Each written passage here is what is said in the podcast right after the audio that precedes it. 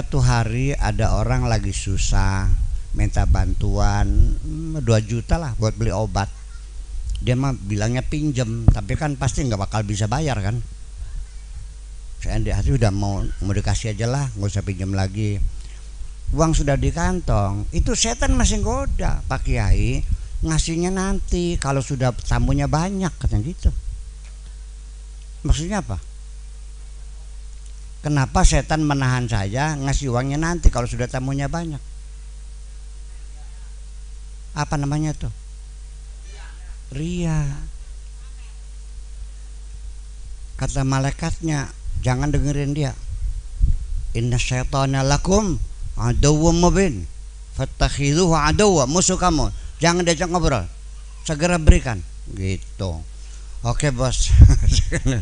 Hmm, kasih gitu nah ini sebelum dikasihkan masih nganyang lagi setannya. Kok banyak banget sih 2 juta. Orang ngasih mas sejuta juga cukup. Kata melekatnya memang uang, uangnya siapa itu? Oh iya iya. Sampai detik terakhir setan tidak pernah berhenti menggoda saya kok. Betul nggak? Jadi 24 jam kita terlalu bertempur dengan setan. Di mana? Di dalam diri kita sendiri daripada kita mengharamkan kopi mengharamkan teh mengharamkan macam eh kita melakukan dosa-dosa besar kepada Allah di dalam hati kita. Kalau waktu itu saya nuruti setan ngasih uangnya nanti kalau sudah tamu banyak. Maksud setan sudah apa? Nunggu tamu banyak nih supaya banyak orang yang melihat. Nanti orangnya pada menyanjung saya. Namanya penyakit apa tuh? Ria. Dosa nggak ria tuh? Dari mana sisi dosanya? Mencuri tidak, mukul orang enggak, nipu enggak, hanya kepengen dilihat Allah, dilihat oleh orang lain. Dosa enggak? Dosa. Besar enggak? Sangat besar sekali. Nih, ketika engkau berbuat baik, lalu engkau tidak tidak merasa cukup hanya disaksikan oleh Allah, tapi perlu saksi-saksi lain. Berarti engkau menghina Allah. Betul nggak? Wakafa billahi syahida. Kita sudah mengatakan cukup biar Allah saja yang jadi saksi. Di sini kita perlu saksi lain. Berarti kita tidak merasa cukup disaksikan oleh Allah. Berarti kita merendahkan Allah. Betul nggak? Nah tidak semudah itu. Ini jadi kita ini banyak mikirin-mikirin yang kelihatan-kelihatan mata aja tapi pergulatan dalam hati kita sering kalah. Setelah kita berbuat baik juga terus dikorek-korek oleh, oleh setan itu supaya kebaikan kita batal. Nanti di akhirat ada orang yang banyak sodakohnya begitu mati dibuka kitabnya kosong melompong. Eh mang malaikat mana sodakoku? Anak yatim piatuku. Mana anak SMK apa caruban nagari yang saya santuni setiap hari? Kok kosong semua? Anak yatim tiap bulan sekian mana pahalaku? Paham lalu dijawab oleh Allah semua kebaikanmu sudah dilunasi Kapan? Di dunia. Apa apa pelunasannya? Apa balasannya? Lalu ditanya. Ketika engkau berbuat baik, lalu disanjung orang, kamu seneng nggak? Disanjung orang seneng nggak? Nah itulah balasannya. Sedih nggak? Ya Allah, jadi cukup kalau di alam bekonon. Kecil banget ya Allah, rugi banget ya Allah. Ini setiap hari kita seperti itu.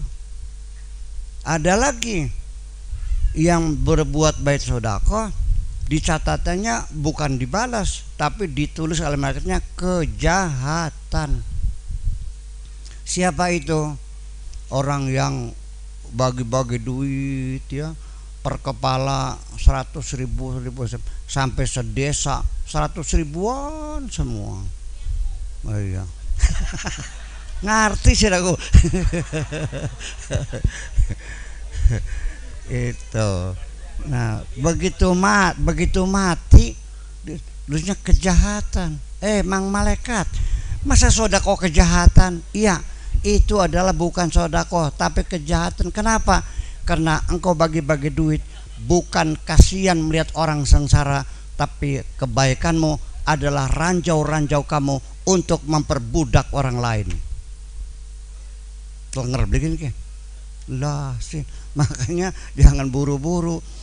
Makanya bapak-bapak ibu sekalian sebelum kita mati coba kita koreksi sendiri buku kita ini jangan menunggu dibacanya nanti. Betul nggak? Buka berapa banyak kebaikan kita lakukan? Oke sekarang saya nanya. Ibu-ibu pernah berbuat baik nggak? Pernah. Masih ingat nggak? Setiap kebaikan yang sampai sekarang masih engkau ingat itu pertanda amalmu belum diterima oleh Allah. Kaderman yang baik. Ya, karena kebaikan yang masih kita ingat itu berpotensi bisa gugur. Kenapa? Kita akan menjadi jahat mengungkit-ungkit kebaikan kita. Ketika yang kita baiki berbuat jahat kepada kita. Nah itu makanya.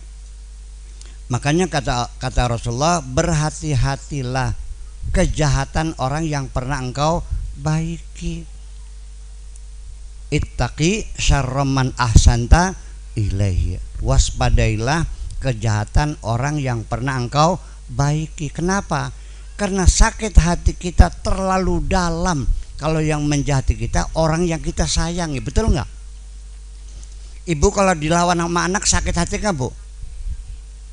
Kalau yang lawan anaknya orang lain? Terlalu sakit kalau yang melawan anak kita. Kenapa? Karena kita merasa kita mencintainya kita menyayangi kita berbuat baik kita baiki. Kita kasih uang kasih sekolah semuanya. Kita cebokin kita susui. Bertahun-tahun kok ngelawan sih? Hanya gara-gara bawa pacarnya yang rambutnya dikepang. Mama ini pacar gue. Ya Allah nok amit-amit pitung turunan. Gak waduh menejar rambutnya dikepang ya Allah wis rambutnya dikepang warnanya abang. Nganggo anting pisan. Celananya disobek-sobek. Tangannya bertato melulu bajunya ditempelin tutup botol kerancang kerincing kerancang kerincing. Beli sode dua mantu mengkononku cemerah ya Allah ya Rabbi. Tiba-tiba anaknya itu tetap mama tidak ada lelaki yang lebih hebat dari ini. Masya Allah. Kata ibunya sudah kalau maksa pilih antara dua. Pilih ibumu atau pilih jaran kepang? Mimi saya memilih jaran kepang. Klenger ibunya belag uh, kelojot kelojot kelojot sakit sekali betul nggak? Kenapa? Karena kita merasa berbuat baik. Kalau orang yang lawan kita tidak berbuat baik tidak terlalu sakit paling tersinggung ya nah kalau begitu jangan-jangan penderitaan kita ini datangnya dari kebaikan-kebaikan kita sendiri. Ayo sirah. Ayo. Orang yang banyak berbuat baik, marah-marahnya banyak enggak? Banyak juga. Soalnya bakal wong kan enak ngumbangan ya kan. Orang kalau banyak ngasih kan gampang marahin orang kan. Nah, itulah makanya. Kalau kita tidak pernah berbuat baik, kita marah kepada siapa? Betul nggak? Semakin banyak berbuat baik, kita semakin banyak sakit hati. Karena semua orang yang kita baiki belum tentu bisa mengembalikan kebaikan itu. Betul nggak? Nah, makanya oleh karena itu kita dalam beragama daripada kita ribut mengharamkan ini daripada bawa pentungan takbir sana takbir sini sambil mentungin orang ngapain? Yuk kita introspeksi dalam diri kita sendiri. Kita layak enggak jadi umat Muhammad seperti ini nih apalagi saling bunuh-bunuhin orang sesama agama Islam dibunuh-bunuhin. Ya berjuta-juta yang meninggal tuh. Membunuh satu orang saja masuk neraka kamu nih betul nggak sekarang yang dibunuh jutaan sih gimana? Nggak masuk akal. Masa bawa masjid masuk surga menurut saya kaya kayanya yang masuk surga itu yang bikin masjid. Betul nggak? Yang masuk surga yang bikin pesantren. Yang mencerdaskan anak-anak. Betul nggak? Bukan yang bunuh orang. Masuk akal nggak? Lo kenapa? Nah itulah persoalannya. Karena kurang intros introspeksi. Nah, introspeksi ini bahasa agamanya namanya muhasabah. Penting muhasabah itu 24 jam, terutama sebelum tidur. Cobalah daripada ngelamun-ngelamun yang gak karu-karuan ya coba ya kita hitung dari pagi apa yang pernah kulakukan dari pagi coba bangun tidur banyak wudhu sholat tuhur terus nas bikin nasi goreng sampai coba dihitung berapa kebaikan yang pernah kau lakukan dan berapa kejahatan yang pernah kau lakukan pada hari ini. Tiap hari dihitung. Itu perlu namanya muha muhasabah.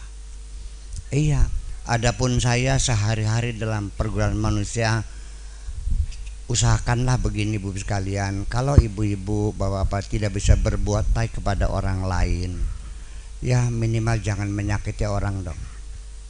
Betul nggak? Uh, saya segimana kalau saya mah kalau ada orang berbuat baik saya paling dahulu yang menyanjungnya. Saya paling awal memberikan apresiasi. Saya hargai. Kalau ada orang berbuat baik saya paling dulu menghargainya. Tapi kalau ada orang berbuat tidak baik saya lebih baik pura-pura tidak tahu saja. Enak nggak? Enak. Makanya saya nggak punya musuh Betul, Bu.